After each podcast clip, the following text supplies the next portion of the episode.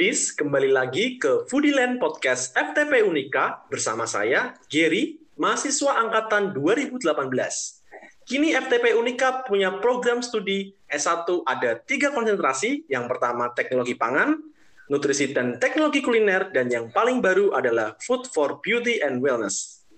Saat ini telah hadir secara virtual seorang barista asli Semarang yang mungkin dia ini jadi sosok di balik menu coffee shop teman-teman yang ada di Semarang. Halo Mas Kris, gimana kabarnya Mas Kris? Halo, halo. Alhamdulillah baik. Gimana kabarmu Mas Giri? Baik Mas, ini kita ketemu di podcast Foodieland FTP Unika ya. Akhirnya. Kemudian eh, sekarang lagi sibuk apa Mas?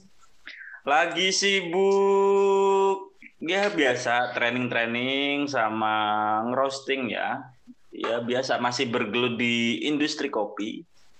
Di industri perkopian, kopi di Semarang. duniawi Semarang. Yoi. Kita langsung aja kali ya bahas seputar kopi nih.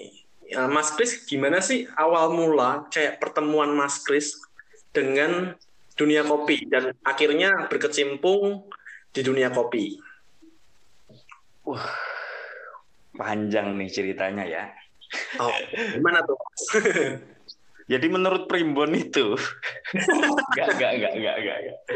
Jadi emang eh dari kecil itu emang di, aku kan asli Jepara ya, terus ya mengembara ke kota seberang Semarang. Jadi emang di eh, apa itu di keluargaku dulu ya kalau apa istilah istilah Jawanya, istilah desonya itu jagong ya, itu pasti kayak sambil ngopi. Dari kecil pun kayak mbah saya pun ngopi ya. Intinya kalau ngobrol ngopi ngopi ngopi ngopi gitu. Terus ya eh, saat sendiri pun ya Kak, aku ngopi. Mau ngalamun pun ya ngopi kayak gitu. Terus suatu ketika aku ke Semarang terus tiba-tiba ada aku lihat ada oh kok ada tempat ngopi gitu ternyata itu coffee shop. Kalau di kota namanya coffee shop, kalau dulu di kampung saya kan ya warung kopi gitu banyaknya terus. em, beberapa kali masuk ke coffee shop ke Semarang terus aku ngerasa kok oh kopi tuh gini ya ternyata tuh ada ada sesuatu yang lain nggak gitu. Nggak hanya sekedar yang aku rasakan dulu ternyata ada dunia lain di dalam perkopian ini. Terus aku ngerasa kayak loh ternyata ada profesi pembuat kopi itu ada. Ternyata tuh ternyata itu ada profesinya. Ya udah di situ kayak oh banyak banget yang harus diulik. Terus ya sharing-sharing sama barista-barista di Semarang terus ngulik-ngulik bareng ya awalnya sih suka aja nggak ngerasa ada yang harus seperti ini harus seperti ini. Sampai sekarang pun aku ngalir aja emang menikmati banget di eh, perkopian ini. Nggak ada suatu yang harus gini harus gini harus gini harus gini nggak ada. Emang ngalir aja sampai sekarang ya. Hmm, suka aja sih mas. Eh, emang dari dulu nggak tahu eh, secara nggak langsung atau secara nggak sadar Emang kayaknya kayaknya eh, kayaknya nih kayaknya itu aku ditakdirkan untuk di perkopian ini seperti itu ya, Meromantisasi berat. hubungan dengan kopi nih maksudnya nih ya, Mas Mas Kris. Iya. Oke, juga buat teman-teman yang tadi dengar pertemuan pertama kali Mas Kris dengan kopi itu dengan jagong itu artinya adalah duduk teman-teman ya. Itu Hmm. istilah Jawa. Mungkin di lain eh, nggak ngerti ini mungkin dari luar Jawa mungkin ya, itu artinya jag- jagong itu artinya tem- eh, duduk teman-teman. Eh, Budis. Oke, eh, kemudian setelah itu jadi sebenarnya eh, mengenal kopi lebih jauh, mungkin Kak, Kak Kris bisa menggambarkan gimana sih eh, dunia perkopian itu eh, seperti apa sih kopi eh, di dalam kafe yang Hmm. kita tahu kalau misalkan di warkop di udah-udah udah aja mungkin harganya 3000 kalau masuk ke kafe jadi 30000 gitu gimana Mas? Oke, sebenarnya di dunia kopi itu luas banget. Uh, secara profesi ya banyak banget yang fokus-fokus di uh, apa ya part-part tertentu atau di divisi-divisi tertentu. Jadi di dunia kopi itu dari hulu ke hilir itu kita bisa bedah kalau kita mau dari hulu ya kita bisa uh, apa itu uh, belajar sama farmer ya. Far pertama emang farmernya, jadi petani kopinya. Petani kopi itu ya uh, yang menanam kopi, yang merawat kopi dari dari pohonnya, buahnya kayak gitu. Habis itu dari petani kopi nanti ada prosesor yang memproses kopi. Sehabis dipanen itu kopi itu diproses. Uh, sekarang banyak banget cara processing kopi, mulai dari full wash, natural, honey, macem-macem sekarang emang secara kreativitas uh, saya salut dan keren banget itu para prosesor Terus dari prosesor itu nanti ada profesi lagi, ada roaster yang yang roasting kopi itu mulai dari biji mentah itu di roast di roast dan banyak cara, banyak teknik untuk memproses uh, untuk merosting kopi itu. Uh, jadi seorang roaster juga harus paham karakter kopi itu, prosesnya seperti apa, mau dibikin apa, mau di roast seperti apa kopi ini biar uh, apa ya maksimal. Terus habis seorang roaster nanti ya ada barista. Barista itu ya yang menyeduh kopi atau peracik kopi. Secara simpel barista itu ya peracik kopi gitu. Ya kalau dibilang barista itu adalah kalau istilah dulu itu ujung tombaknya di dunia perkopian ya barista karena dari apa ya dari jerih payahnya petani, prosesor, terus roster yang menentukan enak atau ah, kalau dibilang enak gak enak susah ya. Karakter yang, ya, eh, karakter yang menentukan kopi itu sesuai. Nah, Oke. Okay. Paling wise itu sesuai sesuai dengan penikmatnya ya barista.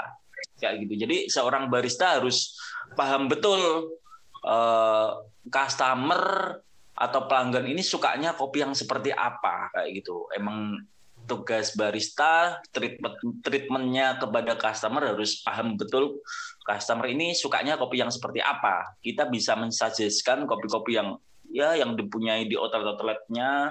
Kita bisa paham. Semisal nih ada customer yang Mas meminta kopi kopi dong nggak itu dari baristanya mau minta kopi apa kak? Gitu. Terus semisal nih customernya bingung wah bingung nih enaknya kopi apa ya? Saranin aja mau kopi simpelnya gini mau kopi hitam apa kopi susu kak? Semisal kopi hitam mas saya nggak suka susu semisal.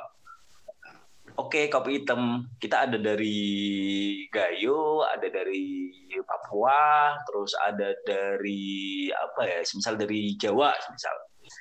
Uh, oh Gak, apa itu? Gayo enak tuh mas. Gayo Gayo boleh mas. Saya belum pernah coba kopi Gayo. Oh iya kak jadi kopi gayo, jadi barista harus bisa bisa jelasin dulu nih. Oh iya kak, kopi gayo ini karakternya kayak gini, kayak gini. Misal fruity, terus ada sedikit uh, herbsnya, terus uh, ada manis brown sugarnya, semisal kayak itu. Jadi emang jadi barista emang harus bisa ngetrit customer biar tahu customer ini sukanya kopi seperti apa, seperti itu. Kalau dari segi aku ya, esensi barista seperti itu. Hmm, Oke, okay. jadi foodies uh, memang proses pembuatan kopi itu dari hilir sangat panjang ya. Jadi di sini kalau misalkan dari kata Mas Kris, kalau memang kopi enak atau enggak itu relatif ya, itu bergantung dari karakternya. Jadi memang itu disesuaikan dengan kecocokan foodies atau customer-customer gitu ya Mas ya. Oke. Okay. Ya. Nah, terus kalau Mas Kris nih selama hmm. menjadi barista nih atau mungkin kita bisa sebut konsultan menu kali ya. Pengalaman oh berat ya.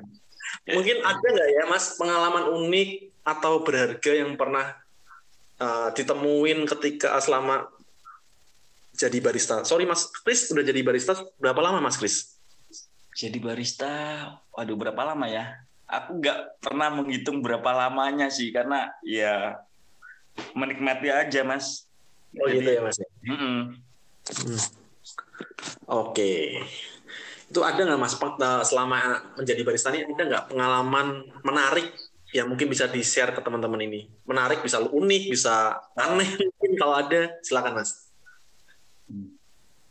uh, kalau teman-teman ada yang jadi barista pasti paham betul gimana menjadi barista, gimana caranya berhadapan dengan customer. Banyak banget pengalaman-pengalaman seru, terus kita bertemu dengan beberapa banyak orang yang memiliki background yang bervariatif misal aku dapat customer semisal ada backgroundnya dokter ada backgroundnya pilot ada backgroundnya semisal pustakawan macem-macem. Uh, kalau dibilang di apa itu di dunia kopi ya guru-guru saya yang mengajarkan saya secara experience yang banyak sekali ya guru-guru saya itu ya customer-customer saya. Kalau di dunia kopi kayak gitu kan. Kalau pengalaman seru banyak sih. Mungkin aku bisa cerita satu mungkin ya. Satu aja. Jadi dulu tuh uh, kalau semisal uh, lagi lagi apa ya lagi boring atau lagi bingung mau ngapain ketika apa ya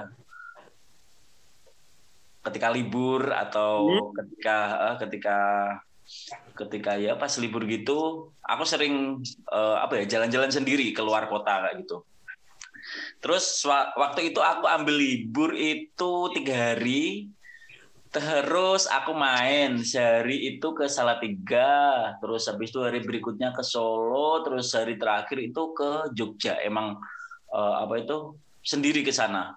Suka gitu emang. Terus tiba-tiba ketika di Jogja itu tiba-tiba pas di jalan itu di ya, sekitaran Malioboro itu ada ada yang naik motor gitu. Uh, yang apa itu manggil-manggil Mas Kris, Mas Kris gitu. Aku kan nggak tahu kan siapa kok aku kenal orang di Jogja. Saya kira temanku uh, sekolah dulu atau apa gitu kan.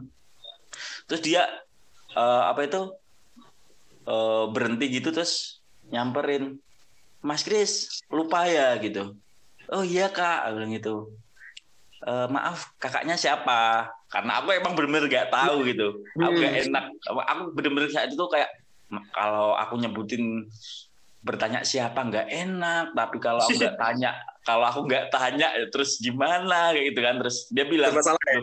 e -e, serba salah. Terus ya aku terpaksa nain e, kakaknya siapa ya terus kok kenal gitu. Lu Mas Kris lu apa ya dulu aku pernah datang lo ke apa itu ke tempatnya Mas Kris. Terus dulu pernah diajarin kopi pernah dikasih apa itu kopi uh, manual brew itu. Terus dibikinin kopi yang itu kayak gitu. Terus terus aku inget oh iya iya iya iya. Iya kak. Lo kakaknya uh, apa itu kuliah di sini. Gitu. Iya mas, no. Lah ini Mas Kris mau ke mana? Ya mau explore explore coffee shop kak di di Jogja kayak gitu. Lah balik kapan kayak gitu? Besok paling kak halang nongkrong nongkrong dulu sama apa itu teman-teman sini kayak gitu. Terus ya udah. Terus habis itu dia ngajak teman-temannya terus habis itu nongkrong nongkrong bareng di sana. Terus ya teman-temannya itu ya sekarang jadi teman-temanku. Terus aku ngerasa kayak pas waktu balik uh, di jalan itu aku ngerasa kayak anjir kopi itu seluas ini ya yang ah, apa itu membawaku kayak mempunyai konektivitas atau relasi yang seluas ini gitu loh. Aku yang ke Jogja sendirian, terus aku nggak uh, ibaratnya di sana emang nggak mau uh, bertemu dengan siapa-siapa, terus habis itu ternyata aku dipertemukan dengan customerku dulu, itu mungkin setahun yang lalu setelah aku ketemu itu ya uh, setahun yang lalu. Terus kita bisa bertemu di situ secara gak sengaja. Aku pun lupa karena mungkin ya itu kelemahanku ketika banyak customer ya beberapa lupa namanya siapa. Terus aku dikenalin sama teman-temannya ya sampai sekarang masih kontak-kontakan terus ya nggak nyangka aja sih kopi sekeren itu bisa memperkenalkanku kepada orang-orang yang banyak bang uh, background background yang bermacam-macam seperti itu mas Oke, dari kopi menjadi relasi, menarik banget nih, Mas Chris nih. Uh, terus, Mas Chris, uh, misalnya nih ada foodies di sini yang coffee addict atau penyuka kopi garis keras, tuh ada tipsnya nggak sih? Misalkan mengolah kopi yang sederhana, misalkan dari rumah, untuk menghasilkan rasa yang nggak kalah enak dari uh, coffee yang dibuat di cafe misalnya gitu. Ada nggak atau memang kita harus ke kafe ini untuk mendapatkan rasa yang enak itu? Oh, nggak harus sih. Ya, bikin uh, kalau mau bikin kopi sendiri di rumah bisa. Sekarang kan banyak banget alat-alat yang dijual tuh, yang di toko-toko online atau bisa di Semarang juga ada beberapa toko kopi yang ngejual alat-alat itu. Uh, kalau mau belajar sendiri di rumah bisa banget. Kalau mau nyeduh sendiri di rumah bisa banget. Sebenarnya coffee shop coffee shop di Semarang kan emang memfasilitasi orang-orang yang pengen ngopi, terus pengen nongkrong, pengen nongkrong juga, tapi nggak di rumah gitu kan. Buat yang hmm. di rumah ya udah ngopi di luar, nongkrong di luar. Kalau semisal lagi males keluar ya, ya udah bikin di rumah. Bisa-bisa banget. Bisa banget ya Mas. Ya? Eh, bisa hmm. banget tergantung apa itu kesukaannya kopi seperti apa nih, misal kayak gitu. Misal nih uh, aku suka kopi hitam semisal. Ya udah. Uh, apa itu? Kalau uh, bisa kalau punya uh, apa ya kasarnya punya uang untuk uh, beli kan sekarang banyak alat tuh. Alat-alat alat-alat kopi kan banyak banget mulai dari yang harga yang sekian sampai yang sekian banget gitu kan bisa dipilih-pilih sesuai budget kayak gitu kan. Terus kalau semisal bingung, wah ini gimana caranya dulunya ya. Banyak banget barista di kota ini yang bisa ditanyakan caranya gimana ya kak. Aku punya alat di rumah tapi kok bingung cara gunainnya, tanya-tanya aja.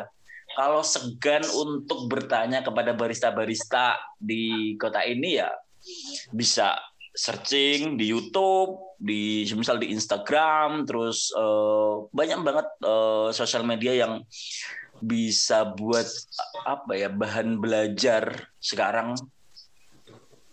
Itu sih mungkin. Yes. Hmm. Oke. Okay. Jadi memang nggak ada halangan lah untuk belajar membuat dari rumah. Oke. Okay. Jadi kita masuk sekarang Mas Kris ke list Q&A dari akun Instagram saya. Ini saya lakukan secara pribadi, eh bukan pribadi ya, istilahnya apa ya? Ya dari akun Instagram personal, jadi bukan akun Instagram fakultas. Ini ada hmm. beberapa pertanyaan nih Mas Riz. Pertanyaan pertama dari Indah Kus. Dia tanya nih, kenapa sih lowongan barista, terutama perempuan, selalu diutamakan good looking, sedangkan knowledge-nya atau pengetahuannya kurang terkait kopi nih. Akhirnya cukup merugikan konsumen karena bingung milih varian kopi. Okay. Kenapa tuh mas? Oke, okay. Kalau dari Kak Indah ya, yeah. pertanyaan pertanyaan bagus Kak Indah. Sebenarnya kalau soal open recruitment itu emang tergantung kebijakan dari outlet-outlet uh, masing-masing ya. Kalau dari aku dari segi kebaristaan sebenarnya ada dua faktor yang sangat penting ketika kamu menjadi barista. Ada dua S ya, emang kalau dari aku ada skill sama uh, style. Kalau dari aku dua itu sangat penting ketika kamu mau fokus menjadi barista. Skill itu macam-macam. Skill itu dipengaruhi dari knowledge-mu. Ketika kamu melamar jadi barista, uh, seberapa apa? Seberapa seberapa tertarik sih kamu sama kopi? Seberapa knowledge-mu soal kopi? Walaupun kamu belum uh, apa, belum terjun di bar, setidaknya kamu tahu sedikit soal kopi kayak gitu. Oh, ini alatnya ini. Oh, ini namanya ini. Kan banyak banget kan yang uh, apa itu yang aku bilang tadi banyak banget platform platform-platform yang kita bisa belajar. Setidaknya kamu mengulik itu dulu oh ternyata itu kopi itu ada macam-macam, ada varietasnya ini, ada jenisnya ini, alatnya ini. Setidaknya itu yang bakal uh, apa ya, mempercepat skillmu ketika kamu di bar. Jadi kamu nggak uh, apa ya, nggak berkembang lamban ketika kamu masuk di bar. Itu soal skill. Kalau soal uh, apa good looking, terus habis itu soal penampilan itu ya buat aku penting juga jadi dua hal itu nggak bisa dipisahkan. Skill sama style itu buat aku jadi barista nggak bisa dipisahkan. Karena soal style atau misal nggak hanya sekedar good looking kalau menurutku ya seorang barista harus punya stylenya masing-masing uh, ketika kamu menjadi barista seberapa mudah kamu dikenal oh misal oh aku coffee shop yang itu misal oh aku suka disduin sama mbak-mbak yang suka pakai topi uh, itu termasuk uh, aku punya identity. Jadi seorang barista punya identity agar mudah dikenal kayak gitu sih. Hmm. Uh, jadi emang uh, dua hal itu penting banget, nggak bisa dipisahkan. Nggak hanya sekedar skill doang, tapi juga apa ya?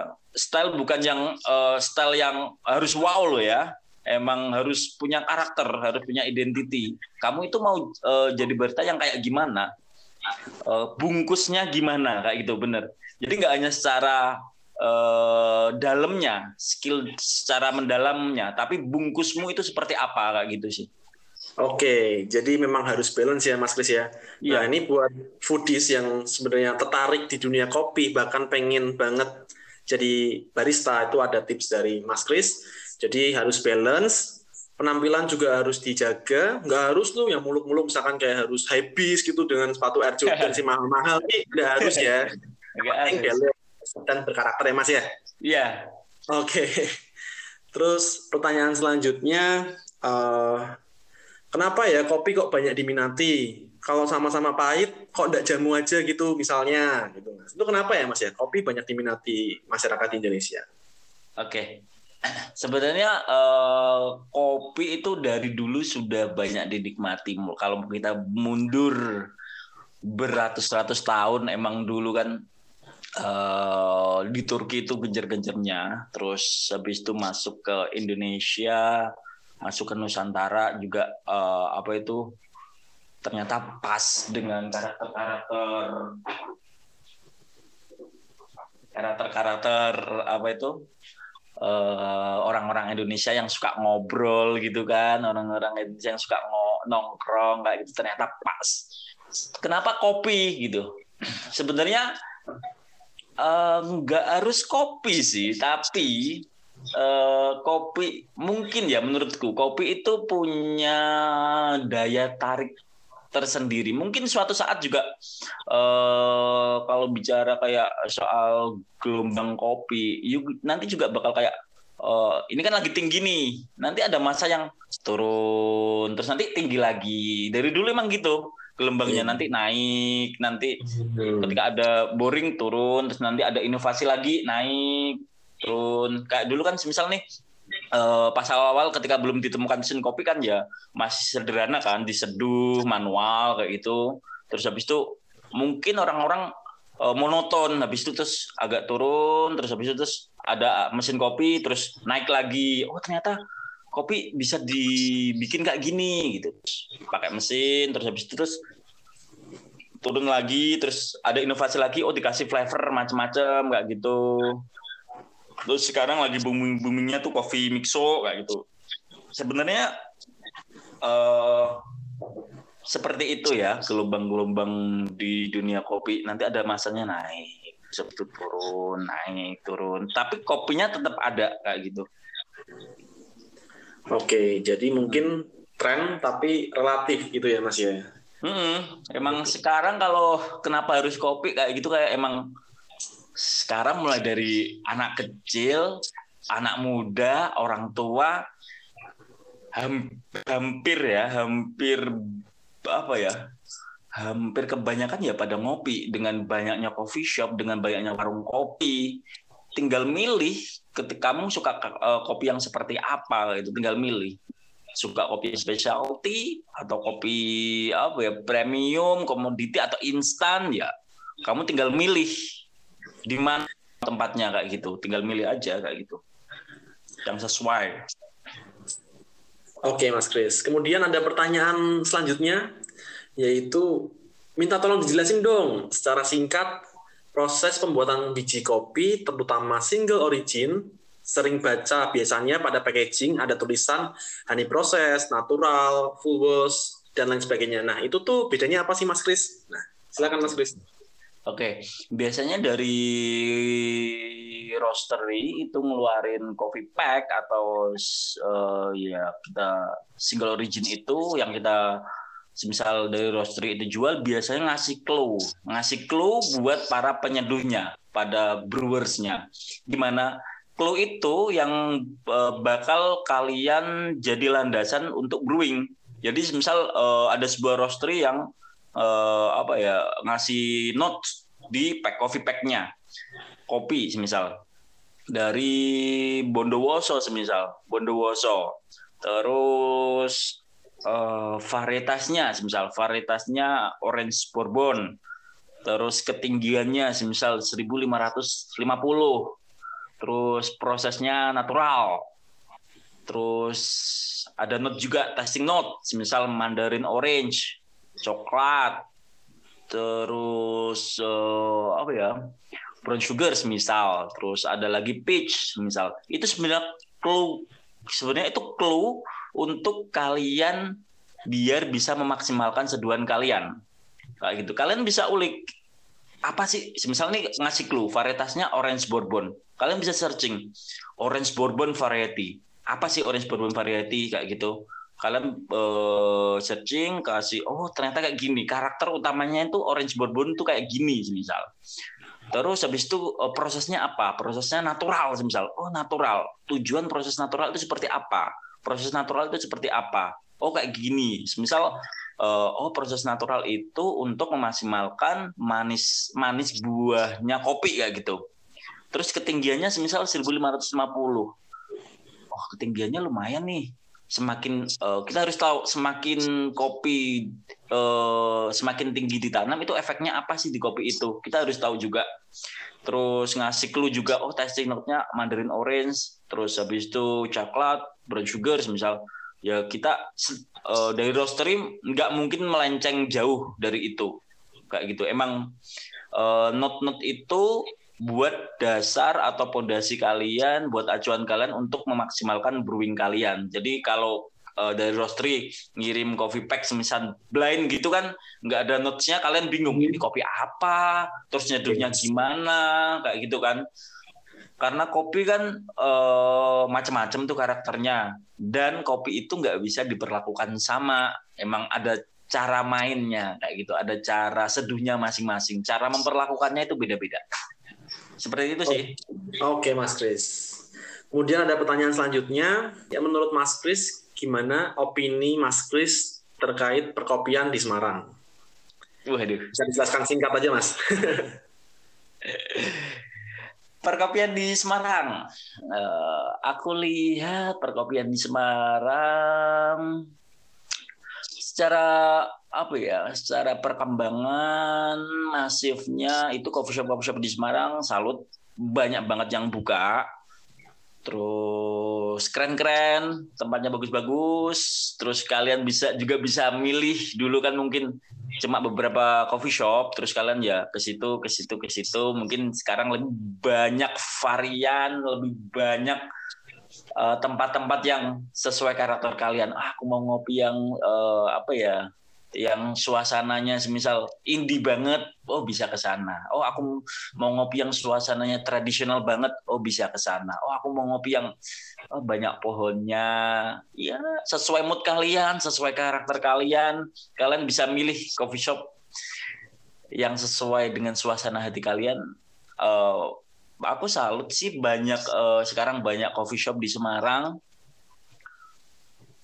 paling itu ya yang aku bisa berpendapat sih. Oke, Mas Kris nggak. Oke, siap. Mungkin segitu. Mas Kris, terima kasih banyak untuk kesempatan dan waktunya nih boleh ngobrol bareng. Mohon maaf jika ada salah kata. Kemudian kalau misalkan teman-teman nih ada yang mau mengikuti atau mungkin masih ada banyak pertanyaan lebih lanjut sama Mas Kris, bisa mungkin follow sosial medianya di mana Mas? Mungkin uh, Instagram aku ARDNTKRS. Oke, jadi teman-teman bisa follow di @ardntkrs.